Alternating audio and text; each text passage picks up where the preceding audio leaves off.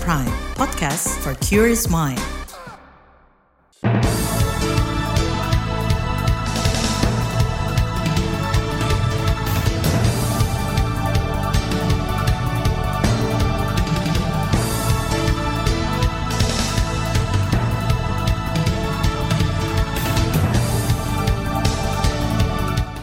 Selamat pagi saudara, senang sekali kami bisa menjumpai Anda melalui program Buletin Pagi edisi Kamis 12 Januari 2023. Saya Naomi Liandra. Sejumlah informasi pilihan telah kami siapkan di antaranya Jokowi akui 12 pelanggaran HAM berat masa lalu. KPK tahan Lukas NMB 20 hari ke depan.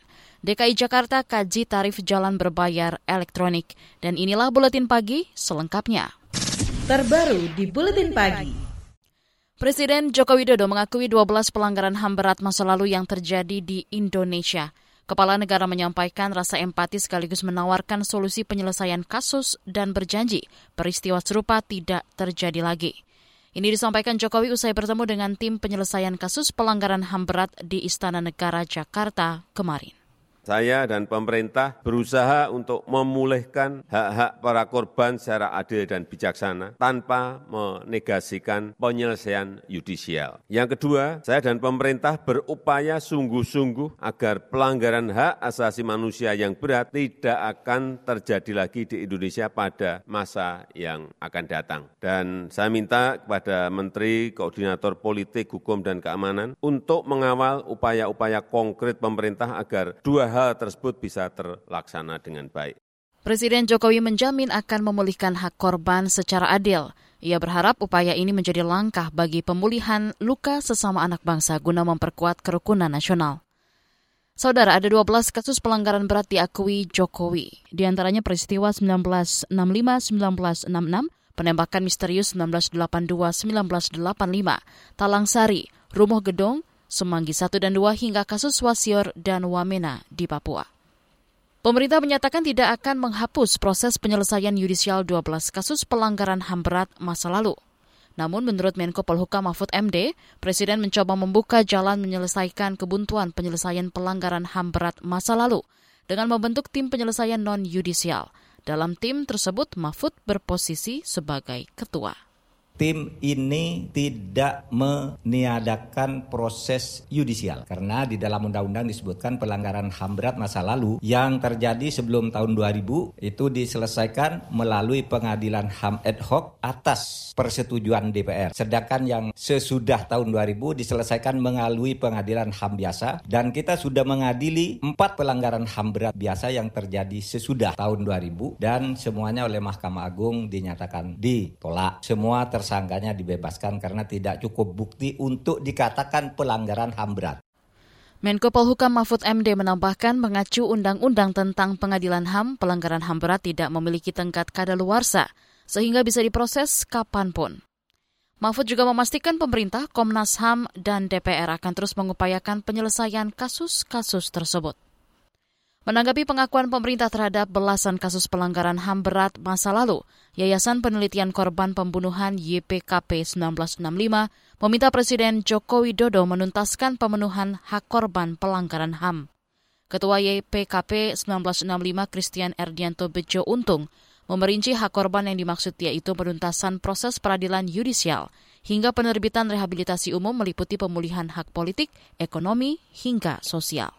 Jokowi jangan cuma berbahasa basi minta maaf, tetapi harus ada tindak lanjutnya, yaitu negara harus merehabilitasi kami korban yang memang nyata-nyata tidak bersalah. Negara perlu menindaklanjuti dengan menerbitkan surat keputusan rehabilitasi umum kepada seluruh mantan tahanan politik dan juga bukan saja yang di dalam negeri, juga yang di luar negeri korban exile, supaya dipulihkan hak-haknya. Ketua YPKP 1965 Bejo Untung mendorong pemerintah menjamin ketidakberulangan pelanggaran HAM. Ia meminta pelaku termasuk aktor intelektual pelanggaran HAM berat diadili lewat pengadilan HAM ad hoc, sebab masih ada dokumen yang menjadi bukti pelanggaran HAM berat 1965. Bejo juga mendorong pemerintah mendirikan Memorial Park untuk pembelajaran bersama dan mengenang korban tragedi 1965. Berdasarkan pengamatan LSM pemerhati HAM, kontras penuntasan 12 kasus pelanggaran HAM berat masa lalu kerap terkendala bukti dan implementasi. Karena itu menurut staf Divisi Advokasi Kontras Tiora Preti, pengakuan terjadinya pelanggaran HAM berat masa lalu bisa jadi pintu masuk penuntasan secara hukum yang menyeluruh yang perlu dilakukan kita kalau misalnya ngomongin soal pelanggaran HAM berat, pelanggaran HAM berat masa lalu terutamanya itu ada empat biasanya yang kita terus suarakan dari dulu. Hak untuk keadilan buat korban, hak kebenaran, hak pemulihan, sama jaminan ketidakberulangan. Nah, kalau misalnya ngomongin hak atas keadilan, udah punya undang-undangnya, tinggal diimplementasikannya seperti apa. Staf Divisi Advokasi Kontras, Tiora Priti. Komnas HAM juga merespons pengakuan oleh pemerintah. Karena itu mereka juga menyampaikan sejumlah hal, antara lain meminta Menko Polhukam Mahfud MD memfasilitasi koordinasi antara Komnas HAM dan Kejaksaan Agung terkait proses penyelidikan dan penanganan kasus HAM berat melalui mekanisme yudisial. Komnas HAM juga mendorong kementerian lembaga termasuk TNI Polri menindaklanjuti laporan tim PPHAM. Jokowi sebut Indonesia dalam kondisi kegentingan global. Informasinya akan hadir sesaat lagi, tetaplah di Buletin Pagi KBR. You're listening to KBR Pride, podcast for curious mind. Enjoy!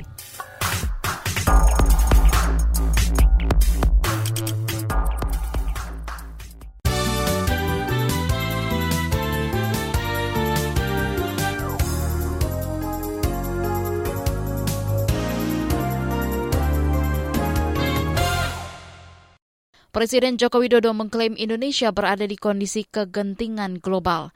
Kondisi itu antara lain krisis pangan, energi, ancaman perang, serta tingginya inflasi. Pernyataan itu disampaikan Jokowi saat hadir di Rakornas dan Musyawarah Dewan Partai Bulan Bintang di Jakarta kemarin. Sekarang masuk ke urusan negara. Banyak yang belum memiliki perasaan yang sama bahwa kita sekarang ini berada dalam kegentingan global. Kita merasa normal-normal saja. Padahal keadaan semua negara termasuk Indonesia itu berada pada kegentingan global. Meski begitu, Kepala Negara optimistis pertumbuhan ekonomi Indonesia akan lebih baik pada tahun ini. Masih terkait ekonomi, pemerintah optimistis ekspor Indonesia masih akan kuat tahun ini, sebab nilai perdagangan ekspor Indonesia tahun lalu meningkat cukup tinggi. Menteri Koordinator Bidang Perekonomian Erlangga Hartarto, tahun lalu nilai ekspor Indonesia meningkat 268 miliar dolar Amerika atau setara dengan 4,1 kuadriliun rupiah. Komoditas penyumbang nilai ekspor ialah besi baja, bahan bakar fosil, dan minyak kelapa sawit. Jadi bahkan batu bara bisa mengkompensasi import daripada minyak sehingga kita di bidang energi ini positif sebesar hampir 6,8 billion sedangkan year, secara year to date sedangkan iron and steel 29 billion dan CPO sekitar 30 billion. Sehingga tentu ini menunjukkan bahwa ekspor Indonesia relatif kuat Menko Perekonomian Erlangga Hartarto memproyeksikan pertumbuhan ekspor tahun ini tumbuh sekitar 12,8 persen dan impor sebesar 14,9 persen. Kata dia, Tiongkok masih menjadi negara dengan tujuan tertinggi ekspor Indonesia. Kita beralih ke informasi hukum. Komisi Pemberantasan Korupsi KPK menahan Gubernur nonaktif Papua Lukas NMB selama 20 hari ke depan. Ia ditahan setelah ditangkap di sebuah restoran di Jayapura Selasa kemarin. Namun penahanan Lukas ditangguhkan sementara sampai ada izin dari tim dokter di Rumah Sakit Pusat Angkatan Darat RSPAD Gatot Subroto, Jakarta.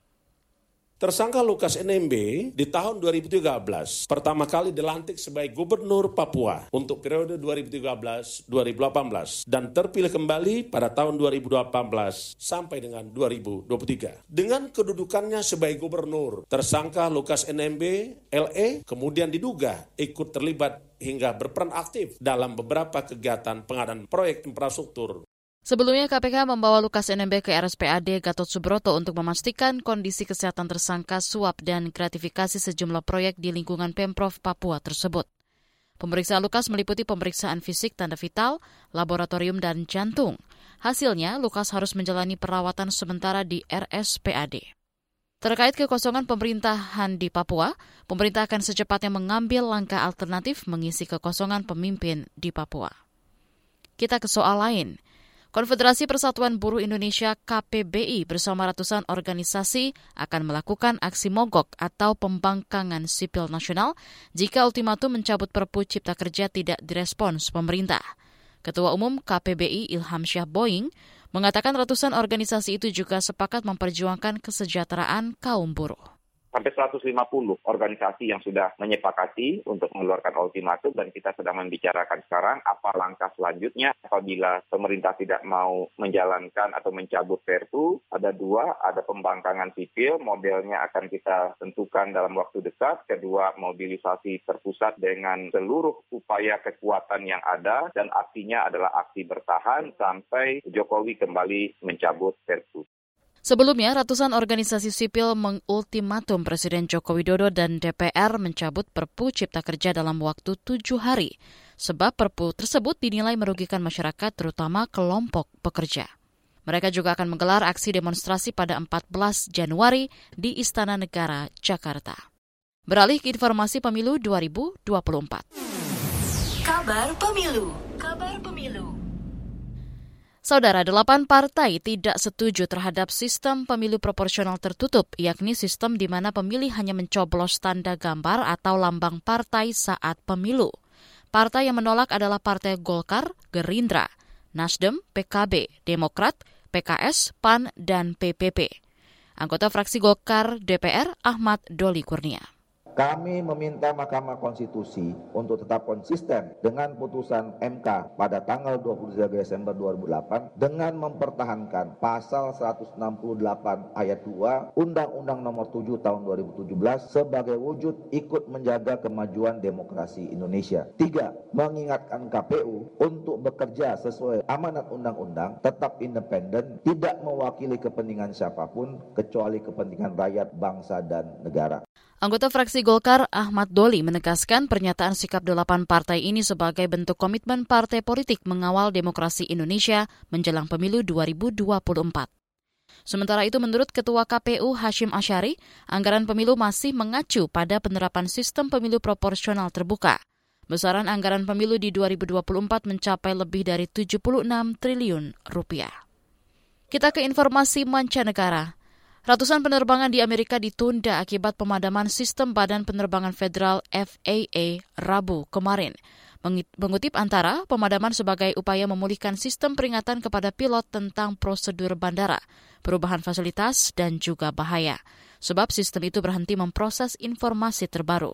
Karena itu, FAA memerintahkan maskapai menunda semua jadwal penerbangan hingga pukul 9 malam waktu Indonesia Barat – Tujuannya untuk memvalidasi informasi keselamatan dan integritas penerbangan. Beralih ke berita olahraga, kita ke Malaysia Open 2023. Sejumlah wakil Indonesia lolos ke babak kedua Malaysia Open kemarin. Di sektor ganda putra, pasangan Leo dan Daniel yang menaklukkan ganda Jepang Koga dan Sato 21-14 dan 21-18. Sementara ganda Bagas Fikri mengalahkan ganda Thailand dengan perlawanan sengit 3 set. Di sektor tunggal putra, Chico juga menumpangkan lawannya, Hans Christian Fidingus. Di ganda campuran, pasangan Rehan Lisa juga melangkah ke babak 16 besar Malaysia Open. Beralih ke Liga 1 Indonesia. Klub sepak bola Persib Bandung menang 1-0 saat menjamu Persija Jakarta dalam laga lanjutan Liga 1 di Stadion Gelora Bandung Lautan Api Bandung kemarin. Gol satu-satunya Maung Bandung itu dicetak oleh David Da Silva di menit ke-57. Dengan kemenangan itu, Persib mendapatkan tiga poin dan menggeser Persija di peringkat keempat klasemen sementara Liga 1. Di bagian berikutnya kami hadirkan laporan khas KBR tentang penyelesaian konflik agraria tak cukup dengan sertifikat tanah. Tetaplah di Buletin Pagi KBR. You're listening to KBR Pride, podcast for curious mind. Enjoy!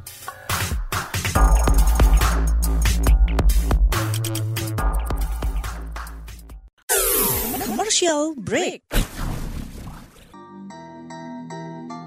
Come on yo, buat yang sukanya berhoax, you better listen to this one.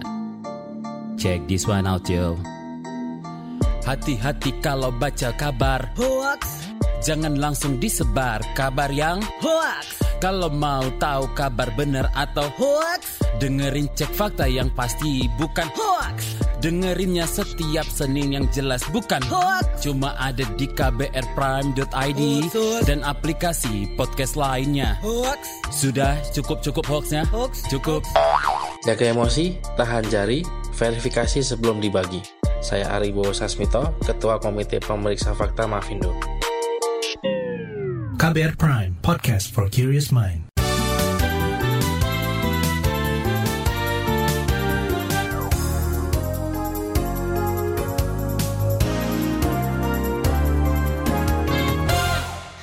Anda masih bersama kami di Buletin Pagi KBR. Saudara, pemerintah terus melancarkan program bagi-bagi sertifikat tanah sebagai langkah penyelesaian konflik agraria. Namun, Konsorsium Pembaruan Agraria KPA menyoroti naiknya wilayah terdampak konflik agraria hingga 100 persen. Ditambah lagi masih banyak pendekatan kekerasan dalam penyelesaian konflik pertanahan ini. Bagaimana evaluasi penyelesaian konflik agraria selama ini? Simak laporan khas KBR disusun jurnalis Siti Sadida Hafsyah. Saudara Presiden Joko Widodo mengingatkan masyarakat mengenai pentingnya sertifikat tanah sebagai tanda bukti hak hukum atas tanah yang dimiliki. Jokowi mengatakan ketiadaan sertifikat menyebabkan sengketa tanah dan konflik tanah di mana-mana. Sekarang Bapak Ibu pegang, ada orang datang, ini tanah saya. Bukan, ini tanah saya. Ini sertifikatnya, pergi dia. Benar, karena tanda bukti hak hukum atas tanah sudah di dipegang oleh Bapak Ibu semuanya. Dan konflik itu ada yang sampai 35 tahun, ada yang 15 tahun, ada 20 tahun, menghabiskan energi rakyat kita. Konflik antar tetangga, masyarakat dengan pemerintah, masyarakat dengan swasta, masyarakat dengan BUMN, banyak sekali. Salah satu konflik agraria yang diklaim berhasil diselesaikan pemerintah adalah konflik lahan suku anak dalam di Jambi yang telah berlangsung selama puluhan tahun. Dan saya juga senang urusan dengan suku anak dalam. Ini sudah lebih dari 35 tahun. Lebih dari 35 tahun, nggak rampung-rampung. Ya memang sulit, kalau sudah sengketa hukum itu sulit.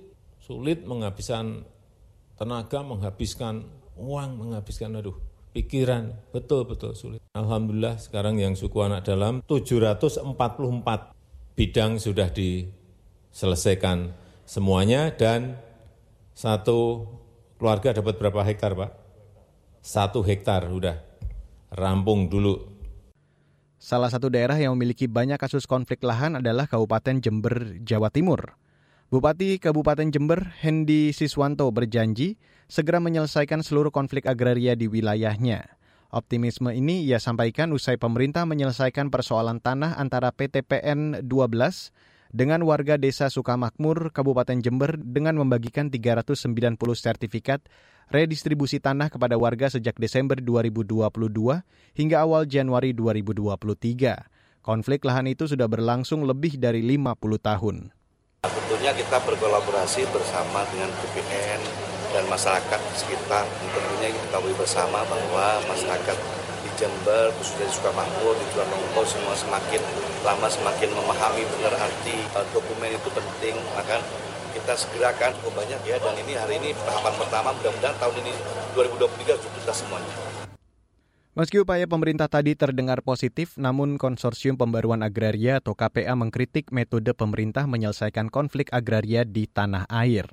Kepala Departemen Kampanye KPA Beni Wijaya mengatakan, penyelesaian konflik agraria tidak bisa selesai hanya dengan pembagian sertifikat berkaitan dengan program sertifikasi itu memang hanya program administrasi biasa. Karena gini misalnya itu kan hanya memberikan kepastian hak kepastian hukum kepada warga yang memang sudah punya tanah misalkan diberikan sertifikat. Tapi kan tidak menyasar wilayah-wilayah konflik di mana ada lokasi-lokasi yang ada pertentangan klaim dengan warga masyarakatnya. Masih butuh terobosan untuk bagaimana mempercepat penyelesaian konflik ini. Karena memang masih banyak yang belum bisa diselesaikan.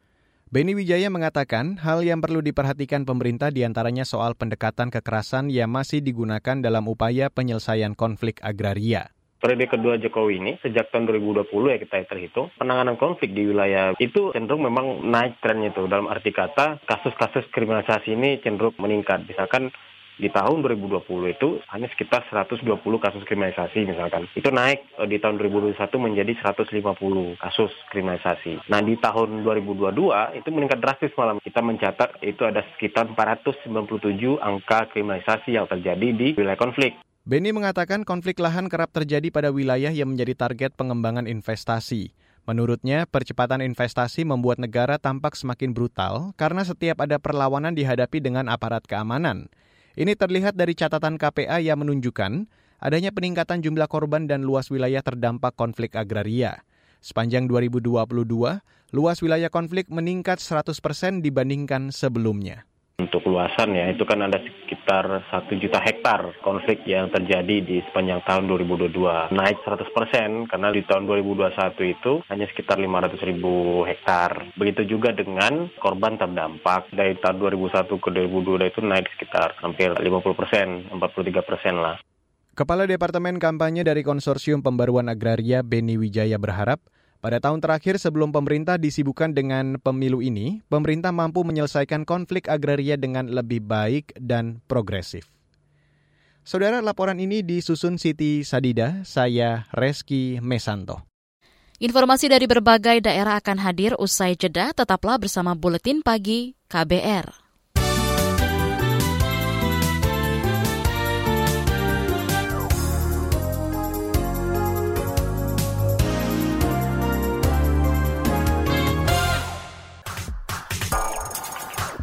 You're listening to KBR Pride, podcast for curious mind. Enjoy!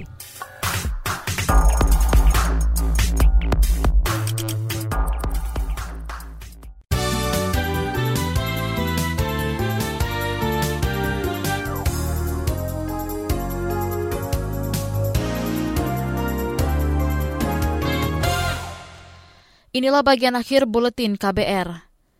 Pemerintah Provinsi DKI Jakarta masih mengkaji besaran tarif jalan berbayar elektronik atau Electronic Road Pricing ERP. Menurut penjabat Gubernur DKI Jakarta, Heru Budi Hartono, kajian tarif ERP itu akan dibahas bersama pemerintah pusat. ERP kan sekarang masih dalam proses di DPRD, dan masih ada beberapa tahapan dibahas DPRD, setelah kewenangannya masing-masing, terus di perda, jadi ada turun, ini adalah tarif tarif saya tidak rekan tapi masih pro pembahasan di pusat kira-kira itu masih ada tujuh tahapan. Itu tadi penjabat Gubernur Jakarta Heru Budi Hartono. Sebelumnya Dinas Perhubungan DKI Jakarta mengusulkan besaran tarif ERP antara 5 hingga 19 ribu rupiah sekali melintas. Saudara ribuan nelayan Rembang, Jawa Tengah melakukan aksi demonstrasi untuk menentang kebijakan pemerintah. Selengkapnya bersama reporter radio jaringan Musyafa. Mayoritas nelayan kapal besar di Kabupaten Rembang, Jawa Tengah hari Rabu 11 Januari 2023 berhenti melaut. Mereka memilih menggelar aksi demo menentang sejumlah kebijakan pemerintah. Peserta aksi berjalan kaki dari Pelabuhan Agung menuju DPRD Rembang sambil membawa beragam poster tuntutan. Dalam orasinya, Koordinator aksi demo Lestari Priyanto menyatakan enam tuntutan nelayan di antaranya mendesak bahan bakar minyak BBM industri khusus nelayan dengan harga lebih murah, menolak pemberlakuan pajak 10%. Tuntutan berikutnya menolak pemberlakuan kebijakan penangkapan ikan terukur. Pemerintah dianggap seolah-olah mendukung gerakan mereka. Bupati Rembang Abdul Hafid menyatakan semua kebijakan tersebut berasal dari pemerintah pusat. Namun ia memastikan siap mendampingi perwakilan nelayan Rembang menyampaikan tuntutan kepada pemerintah pusat. Musyafa R2B Rembang melaporkan untuk KBR. LBH Apik Semarang mendesak aparat penegak hukum dan dinas terkait untuk memberikan pelayanan pemulihan psikologis bagi 21 anak korban sodomi Ahmad Muslihudin di Batang, Jawa Tengah. Direktur LBH Apik Semarang Raden Ayu mengungkapkan pemulihan psikologis anak korban kasus kekerasan seksual merupakan hak korban. Penting juga pemulihan psikologis untuk korban. Ini yang perlu disampaikan juga kepada aparat penegak hukum untuk mengakseskan para korban ini untuk mendapatkan layanan pemulihan psikologis untuk korban karena uh, kami pengalaman di tahun 2016 sampai 2022 bahwa kasus-kasus kekerasan seksual terhadap anak ketika tidak didampingi pemulihan secara psikologis korban, maka dia rentan menjadi pelaku di kemudian hari karena yang pertama ketidaktahuan dia bahwa dia adalah korban kekerasan. Ayu mengatakan akses layanan pemulihan psikologis anak korban kekerasan seksual seharusnya dapat diakses gratis dari instansi milik pemerintah, sehingga tidak ada beban biaya yang ditanggung keluarga.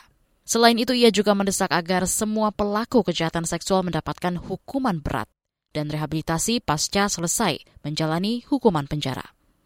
Saudara, informasi tadi menutup jumpa kita di Buletin Pagi hari ini. Pantau juga informasi terbaru melalui kabar baru, situs kbr.id, Twitter di akun @beritaKBR, serta podcast di alamat kbrprime.id. Saya Naomi Liandra bersama tim yang bertugas undur diri. Salam.